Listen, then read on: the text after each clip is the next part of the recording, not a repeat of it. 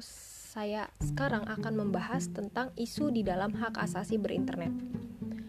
Nah, salah satu isunya itu adalah ekstremisme atau kaum-kaum ekstremis. Nah, di dalam perilaku ekstre ekstrem ini, yang pertama adalah hate speech atau pidato kebencian. Pidato kebencian ini lebih dari sekedar kata-kata kasar ini bisa berupa segala bentuk ekspresi yang dimaksudkan untuk menjelekkan, mempermalukan, atau menghasut kebencian terhadap kelompok atau kelas-kelas orang. Nah, ini didefinisikan oleh Britton Heller dan Larry Magid. Orang-orang yang membuat pidato kebencian ini biasanya melakukan itu karena berbagai alasan. Kadang-kadang, pidato kebencian dapat mencerminkan keyakinan politik asli seseorang atau ketidaksukaan terhadap sekelompok orang.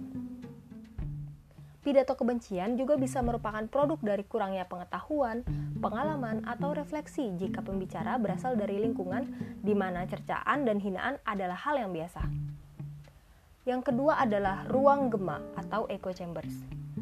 Ini yang menyebabkan polarisasi yang lebih besar di masyarakat ketika orang itu menyerap informasi atau data yang disesuaikan dengan minat dan prasangka mereka sendiri oleh algoritma. Alih-alih membangun pandangan dunia yang lebih seimbang, pagar baru dibangun sebagai orang yang berpikiran sama menjedot diri dalam kelompok-kelompok yang homogen. Maksudnya apa? Jadi tuh ibaratnya kita lagi eh, jalan di jalan yang besar, tetapi ada pagar yang membangun jalan tersebut sehingga terjadilah ruang gema gitu. Mudahnya di saat contohnya di saat pilpres. Nah orang-orang akan mulai e, memberikan postingan-postingan terhadap keyakinan politiknya dan terus-menerus ada di kronologi media sosial kita dan itu membuat kita berada di ruang gema tersebut.